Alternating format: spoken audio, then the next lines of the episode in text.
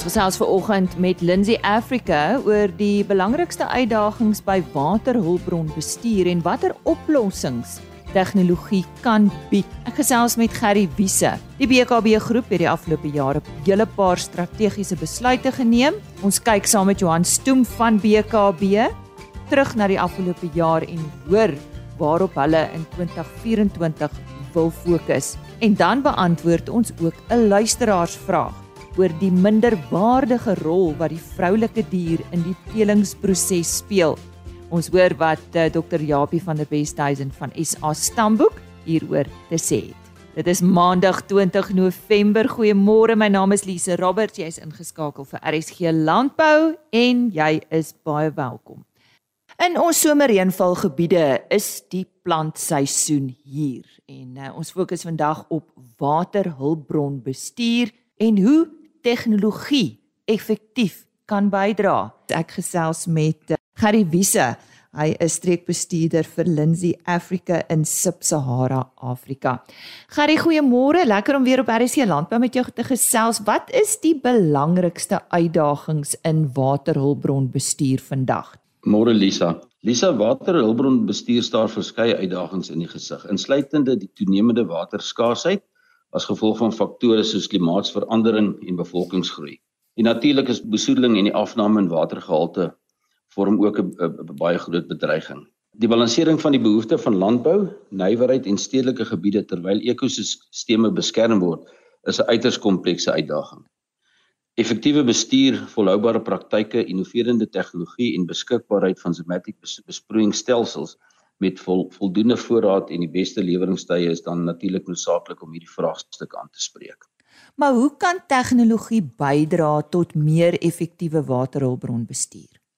Lisa tegnologie speel 'n kritieke rol in die verbetering van waterhulpbronbestuur. Afstandswaarneming en IoT toestelle kan werklike tyddata oor waterbeskikbaarheid en gehalte verskaf Natuurlik geografiese inligtingstelsels soos ons beter ken die GIS help met ruimtelike analise en die besluitneming. Slim besproeiingsstelsels soos 'n Matic verminder watervermorsing in die landbou wat natuurlik van uiterste kardinale belang is. Gevorderde af, afvalwaterbehandelingstegnologie bevorder waterhergebruik. Daarbenewens help die voorspellende modellering en data-analise om watergebruik beter te voorspel en natuurlik dan te optimaliseer. Dit alles kan bydra tot baie meer effektiewe waterhulpbronbestuur in ons landbou. Wat is 'n paar suksesvolle voorbeelde van volhoubare waterhulpbronbestuursprojekte? Daar is verskeie suksesvolle uh, volhoubare waterbestuurprojekte wêreldwyd, Lisa. Byvoorbeeld Singapore se New Water Program herwin en suiwer hulle afvalwater vir drinkwater. Israel se gevorderde besproeiingstegnologie en tegnieke soos Matic ook oor beskik het droë streke in vrugbare landbougrond ontskep. Die volgende een is die die Colorado River Water Compact in die Verenigde State. Hulle het in sewe state samewerking bewerkstellig om waterbronne effektief te bestuur en te benut.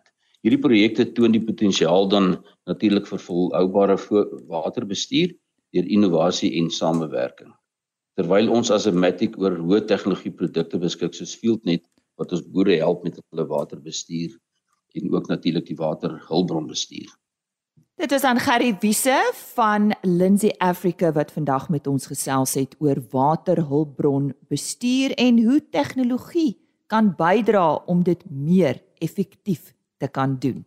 Gerry Wiese is streekbestuurder vir Sub-Sahara Afrika. Vir meer inligting, besoek www.lindsay.com.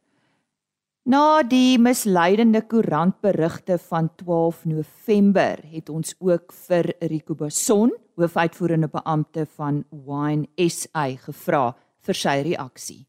Dis ek ek dink net miskien een stapie terug. Die die wynbedryf spesifiek is in 'n ooreenkoms met die Europese Unie al vir jare waarbinne ons bepaalde gratis wynuitvoere kan doen na Europa En dit is vir die bedryf van baie baie groot waarde want dit beteken ons kan meer winsgewend handel doen en daarmee kan ons ook groei en ontwikkeling doen.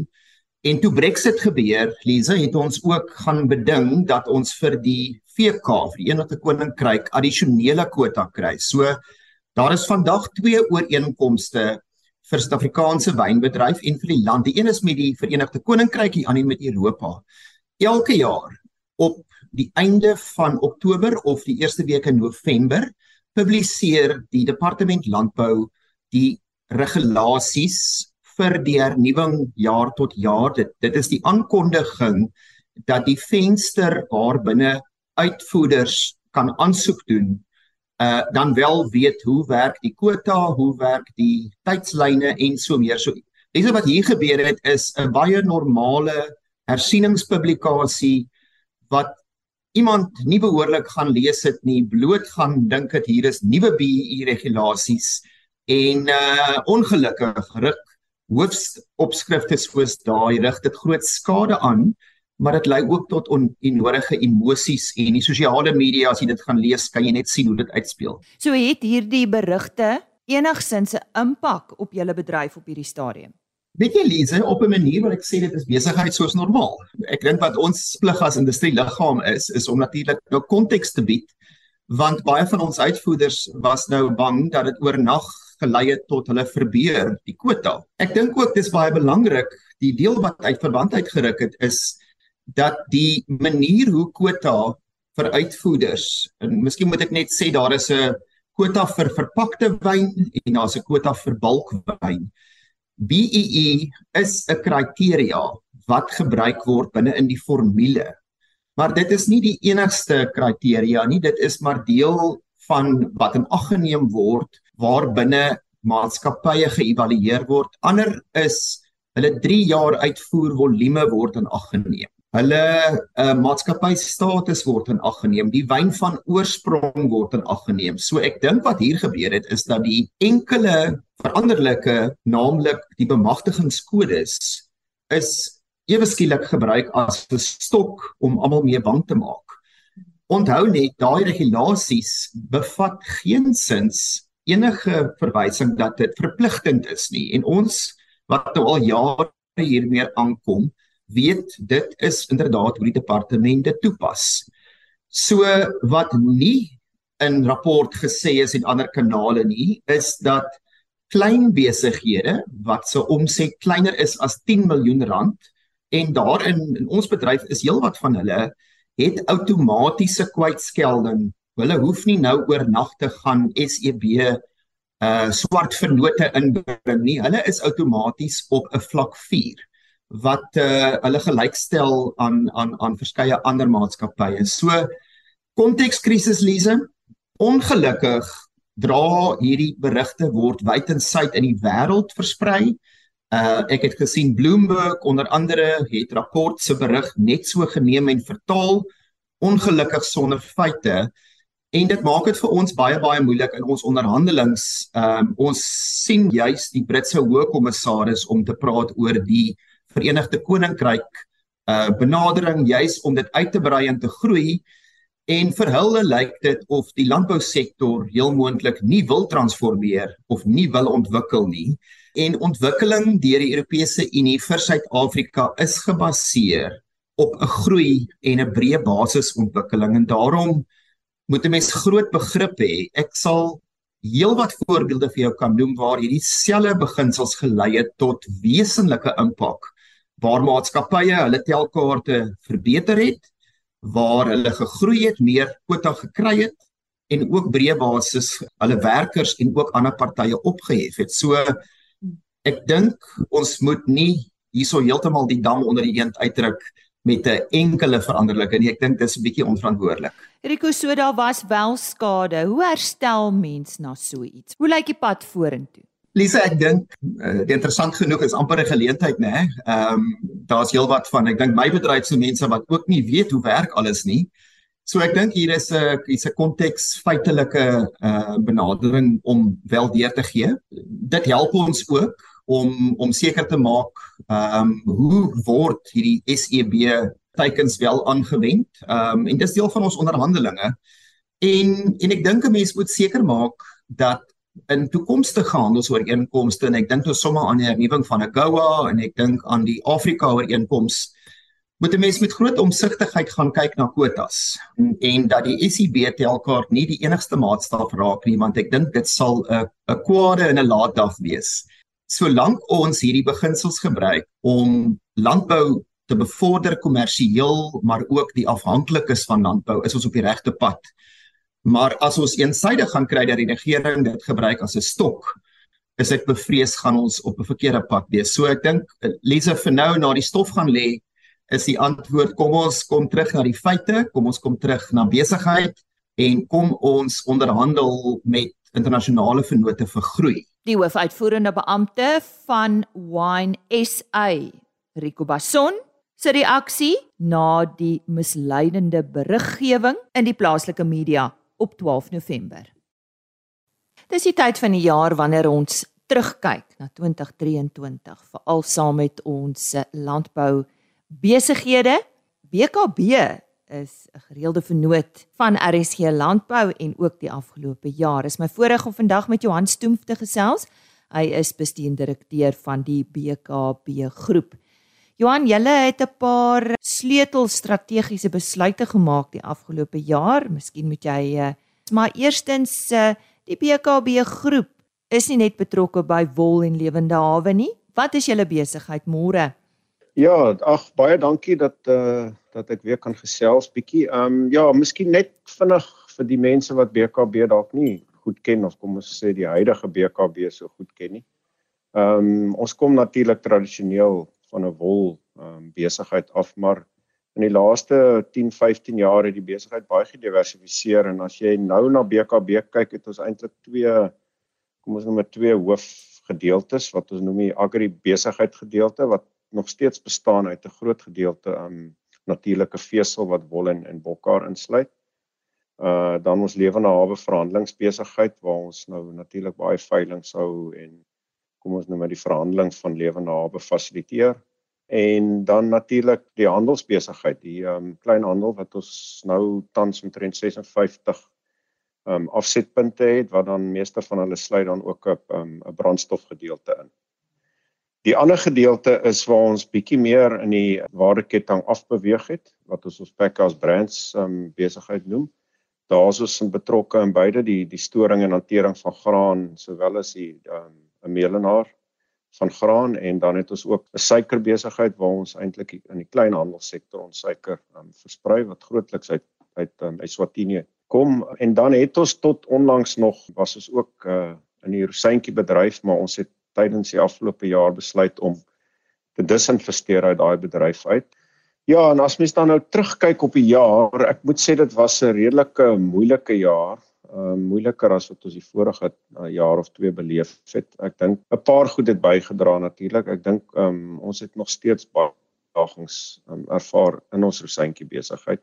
Ek dink dit dit dit is 'n bedryf wat vir ons moeilik is om te bestuur. Ons is ver daarvan af en dis nie iets wat ehm um, kern tot ons lê nie. So van daardie besluit om dit eerder te verkoop ehm um, en nie verder betrokke daai te wees nie, maar die lewende hawe gedeelte van ons besigheid, dit was ook moeilik. Soos julle sal weet, die ehm um, die prys van lewende diere het baie afgekom in die laaste jaar en op 'n stadium was dit soveel as 40% af. So dit het natuurlik 'n direkte impak op ons en uh, nie net as gevolg van die prys nie, maar Mens vind ook in daai omstandighede dat verhandeling van diere is meer traag en ek dink dit kan amper direk toegeskryf word aan die moeiliker um handelsomstandighede um onder verbruikers. Um met die hoë rentekoerse, um hoë inflasie het verbruikers minder geld en ek dink dit het 'n direkte impak gehad um op ons lewende hawe besigheid. Die res van die besighede het het relatief goed gevaar wolpryse is nog nie heeltemal terug waar dit was voor ons um COVID gehad het nie, maar dit het daarom al heelwat herstel op die pad.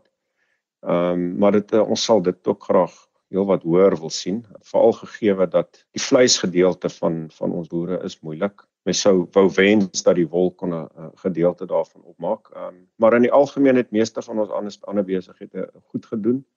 Ek dink as ons vorentoe kyk, ons verwag 'n heelwat beter jaar. Um ek dink ons ons finansiële jaar einde um, is einde Junie, so ons sit daarom nou al so 'n paar maande van die nuwe finansiële jaar en dit lyk al klaar vir ons um beter as wat as wat die vorige jaar gelyk het selfs in die lewende hawe um besigheid pryse nog nie dramaties op nie, klein bietjie op, maar ons sien wel bietjie hoër volumes wat wat deur daai besigheid beweeg. So ja, ek dink ons is positief, kom ons sê vir die jaar en die kalenderjaar wat voorlê. Ehm um, hopelik kan ons iewers na die einde van 2024 toe begin sien dat rentekoerse bietjie uh, verlig wat dan natuurlik 'n positiewe effek sal hê op um, op die spanderingspatrone van verbruikers wat dan direk op ons ook 'n 'n goeie effek sal hê. Johan gesels bietjie met ons oor julle mense. Ja, ehm um, ek dink mense as jy na na BKB se besigheid kyk, ehm um, ons is re, in meeste van ons besighede nie 'n produkbesigheid maar 'n diensoriënteerde besigheid. So mense is eintlik maar wat ons verkoop, die kundigheid van mense, die diensvlakke wat mense gee aan ons kliënte. Ehm um, so dit is 'n baie baie belangrike deel van ons besigheid. Ehm um, en ek dink ons belê ook relatief baie elke jaar in ons mense in. Jy weet beide uit formele opleiding Ehm um, maar ook uit hulle welstand uit. Ehm um, en en dit is vir ons belangrik dat mense want dit is hulle wat ons besigheid aan die gang hou. Mm. Ehm um, ja, so jy's heeltemal reg dat dat ehm um, BKB is eintlik 'n mensbesigheid en het oor die jare eintlik 'n rekord opgebou dat ons goeie mense het betroubare mense en van daar hoekom ons um, sê jy betroubare vernoot in landbou. Ek weet jy wil nou nie julle strategie of besigheidsbesluite vir 2024 noodwendig aan ons bekend maak nie. Is daar iets waarna ons kan uitsien volgende jaar of uh, is dit business as usual soos die Engelse sal sê? Ag jong, dis nie um, ek sê altyd besigheid is seker vir 80 of 90% nie um, rocket science nie. Hmm. Ek dink ons kom uit 'n periode die afgelope 3 jaar um, van konsolidasie. Ons het 'n hele klompie besighede um besluit om nie meer aan te gaan of te verkoop of toe te maak. Ek dink ons is amper klaar met daai fase. Ek dink wat ons nou oor het in ons besigheid is besighede waarmee ons vorentoe sal gaan. Ek dink die volgende uitdaging is nou um uh, ons het gekonsolideer. Mens sal iewers weer moet begin kyk hoe groei ons. Um nou ons het klaar met 'n paar klein projekkies begin. Um een is byvoorbeeld in die wolkant waar ons nou ook verder af in die ware ketting 'n besigheid geskep het Pinnacle Fibers waar ons nou ook ehm um, self wol verhandel. Ehm um, so ons is besig om te kyk hoe kan ons dalk binne in die wolware ketting ehm um, bietjie uitbrei. Ek dink waar ons tradisioneel net 'n makelaar was, ehm um, sien ons ons rol klein bietjie anders in die toekoms dalk, jy weet, ons speel ook 'n logistieke rol. Ehm um, en soos ek sê ons is ook nou 'n handelaar. Ja, en ons het ook in die laaste jaar, soos van die luisteraars dalk sal weet, 'n oorname gedoen binne in die handelsomgewing waar ons um 'n besigheid wat grootliks in die ou Transkei opereer in terme van dieremedisyne gekoop het. Ek dink dit is ook 'n area waar ons waarskynlik verder sal groei in die toekoms in. Ons glo dat um die informele kant van die landbousektor is onder bedien en ons dink daar lê nogal geleenthede daar om daai om daai gedeelte van ons besigheid uit te brei. Nie net aan die handelskant nie, um, ons is ook aan die lewende hawe kant betrokke aan 'n paar nuwe projekte waar ons in jou nie kommersiële um, landbousektor um, besig is om klein besigheidjies um, aan die gang te kry. Maar ja, ek dink um, ons uitdaging volgende jaar ons ons hopelik is is ons resultate nou stabiel en dis om dan nou weer 'n nuwe groei strategie um, in plek te sit. En so gesels die besturende direkteur van die BKB groep, Johan Stoemf. En nou beantwoord ons 'n luisteraarsvraag. En hierdie luisteraar sê, die kudde van enige boerdery bestaan ongeveer uit 95% vroulike diere. Die vroulike dier word skynbaar nooit in berekening gebring of genoem by die telingsproses nie. Dan verduidelik die luisteraar dat 'n bevrugte sel 'n samesmelting is van helfte kromosome van die moeder en die vader respektiewelik. Waarom word daar skynbaar geen klem op die moederdier se eienskappe gereken nie? Ons het vir hierdie antwoord aan die deur van SA Stamboek gaan klop en hoor nou wat sê die hoofbestuurder Dr. Japie van der Westhuizen. Ja, uh, dis 'n baie goeie vraag. Ehm um, en ek ek stem heeltemal saam met die feit dat daar gesê word dat ons nie altyd noem van die vroulike diere nie. Ehm um, uh as 'n mens nou van 95% praat, kom ons praat van beeste, jy weet vleisbeeste waar jy natuurlike dekking het. So as jy op 'n gegeewe moment op 'n plaas sou kom en jy kyk na die teeldiere wat voor jou staan, dan het jy min of meer 'n 95% van daai teeldiere wat voor jou staan sal koeie wees en uh die ander 5% sal bulle wees. Dit kan natuurlik varieer. Uh jy weet dit hang nou net af hoeveel koeie of vers het jy nou by die bil gesit vir dekking. Uh en as jy natuurlik KI doen, dan gaan jy nie 'n bil sien op die plaas nie, dan dan is dit 100% vroulike diere. So dis dis dis eintlik wat voor jou staan. Ehm um, nou is dit natuurlik waar dat ehm um, 'n kalf of 'n lam wat gebore word kry 50% van die genetiese materiaal van elkeen van die ouers. Uh die die stukkies kromosome wat nou in die eisel ingaan of in die spermsel ingaan en wat dan nou weer uh saamgevoeg word op by jy weet van van die twee ouers in die in die fetus wat groei uh in die ma se baarmoeder, die koe se baarmoeder. So dit is so 50-50, maar nou kan jy self dink as jy 30 koeie by een bul sit, dan word dan's dit 50% maal 30 uh die kalvers van die bul se kant af. En van elke koe is daar net een een helfte wat gaan. So die impak van die bul uh sommer uit logie uit logiese denke is is is dan eintlik 30 keer meer in terme van die kalvers wat gebore word as die as elke individuele koe. En dis hoekom daar so geweldig baie klem gelê word op die seleksie van bulle. Ehm um, maar dit beteken ook glad nie dat mens ehm um, dit moet agterweer laat dat jy almekaar elke koe eksamen moet laat slaag elke jaar nie want dit is waar jou fabriek is. As as die koe ondoeltreffend is en sy maak 95% uit van jou fabriek dan is jou fabriek ondoeltreffend. So jy moet die heeltyd daar meet aan daan hoe doeltreffend sy in die eerste plek is in terme van reproduksie. Met ander woorde vat sy die bil, word sy dragtig, ehm um, kyk sy mooi na haar kalf, het sy genoeg melk, is sy 'n goeie ma, ehm um, so jy sy moet elke jaar daai daai ek wil amper sê eksamentjie slaag. Ehm um, maar indien jy 'n fout maak op 'n koei se seleksie, dan is dit nou daai 1 uit 30 uh, as jy haar met die met die een bil vergelyk. Maar as jy as jy 'n fout maak met jou bil seleksie, uh, dan sit jy met 'n hele kaleroes uh, van daai bil wat dalk nie so goed is nie. En ek dink dis hoekom ons baie keer so baie klem lê op 'n uh, bil seleksie. Ek wil dit ook op miskien op 'n ander manier stel. Ek dink ehm um, as 'n mens van vroulike diere praat, kan jy ook praat van uitskot. Met ander woorde, hoekom skot jy uit die kudde uit? Dis amper asof jy die onderste ehm uh, ek wil amper sê die minder geskikte koeie afsny uit jou kudde uit. Waar aan die bilkant wil ek amper sê selekteer jy. So dis uitskot amper aan die vroulike kant en aan die bilkant selekteer jy. Met ander woorde, jy gaan soek vir die beste bil wat jy kan bekostig uh om in jou kudde te gebruik. Uh dit is natuurlik dan ook belangrik dat jou teeldoelwitte moet reg wees, nê, nee, want as jy nie na iets mik nie, dan gaan jy elke keer daar uitkom. So jy jy moet goed kan mik ook en jy moet kan weet in watter rigting jy jou kudde wil vat. En en dan uh, kan jy partykeer maar 'n paar rand ekstra spandeer om te sorg dat jy die regte belet want want sy dogters moet natuurlik ehm um, die koeie vervang in die kudde en hulle moet ook hy oor daai eienskappe beskik of daai goeie eienskappe beskik om vir jou geld in die sak te bring. So ek hoop ek hoop dit beantwoord die vraag. So met ander woorde koei seleksie is net so belangrik soos bil seleksie, maar die impak van 'n fout of 'n klein foutjie by die koei seleksie is nie naaste by so erg soos waar jy 'n verkeer of 'n fout maak as jy dalk die verkeerde bil uh, selekteer en dan in jou kudde gebruik. En so sê Dr. Japie van der Westhuizen, die hoofbestuurder by SA Stamboek, hy die rol van die vroulike dier by die telingsproses verduidelik.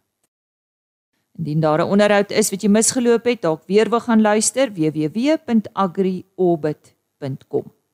agriorbit.com. Kyk net op daardie webtuiste en indien jy ook 'n vraag het, RSC Landbou by plaasmedia.co.za. Totsiens. RSC Landbou is 'n plaasmedia produksie met regisseur en aanbieder Lize Roberts en tegniese ondersteuning deur Jolande Rooi.